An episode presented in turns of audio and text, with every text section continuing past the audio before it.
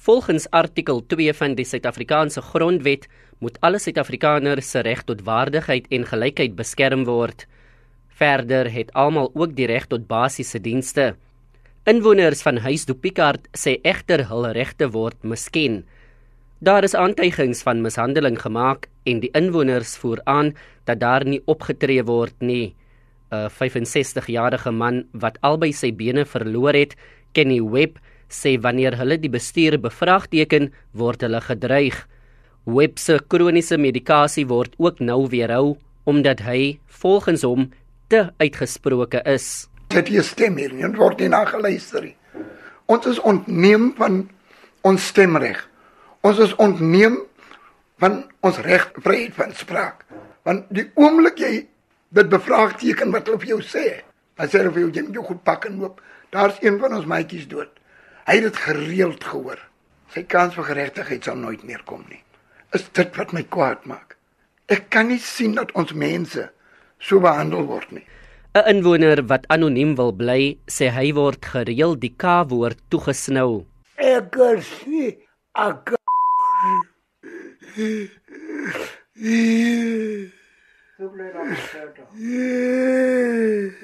Ander bejaardes sê hulle is ook ongelukkig. Ek kon nie tevrede nie.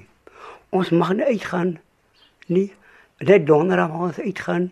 Ek het hulle gevra nou een naweek om donderdag, vrydag, saterdag uit te gaan. Ek moet nie om meer te bring nie. Die vereniging vir bejaardes, Tafta, sê die mishandeling van bejaardes is teenstrydig met die grondwet se bepalinge. Die uitvoerende hoof van Tafta, Famida Shamam, sê daar is wetgewing in plek om bejaardes te beskerm. South Africa is quite a progressive country when it comes to the legislature that we've put in place to protect older people. We have the Older Persons Act, which addresses a number of things, and there's a chapter in the Act which deals with protection of older people.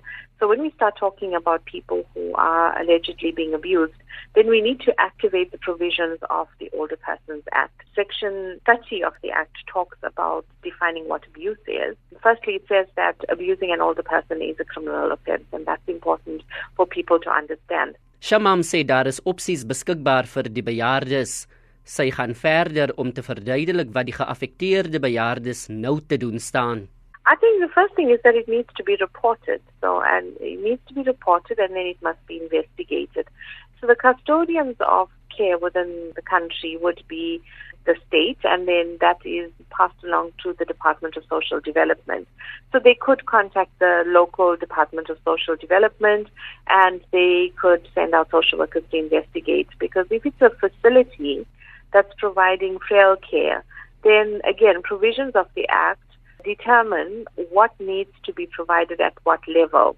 In 'n media verklaring aan die SAIK sê die tehuis dit is 'n sentrum vir gestremdes en bejaardes en nie 'n aftreeoord nie.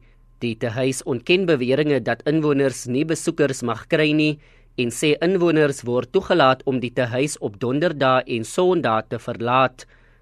Die voorsitter van die bestuursraad by die tehuis, William van Staden, sê die beweringe is ernstig en sal deur 'n onafhanklike party ondersoek word.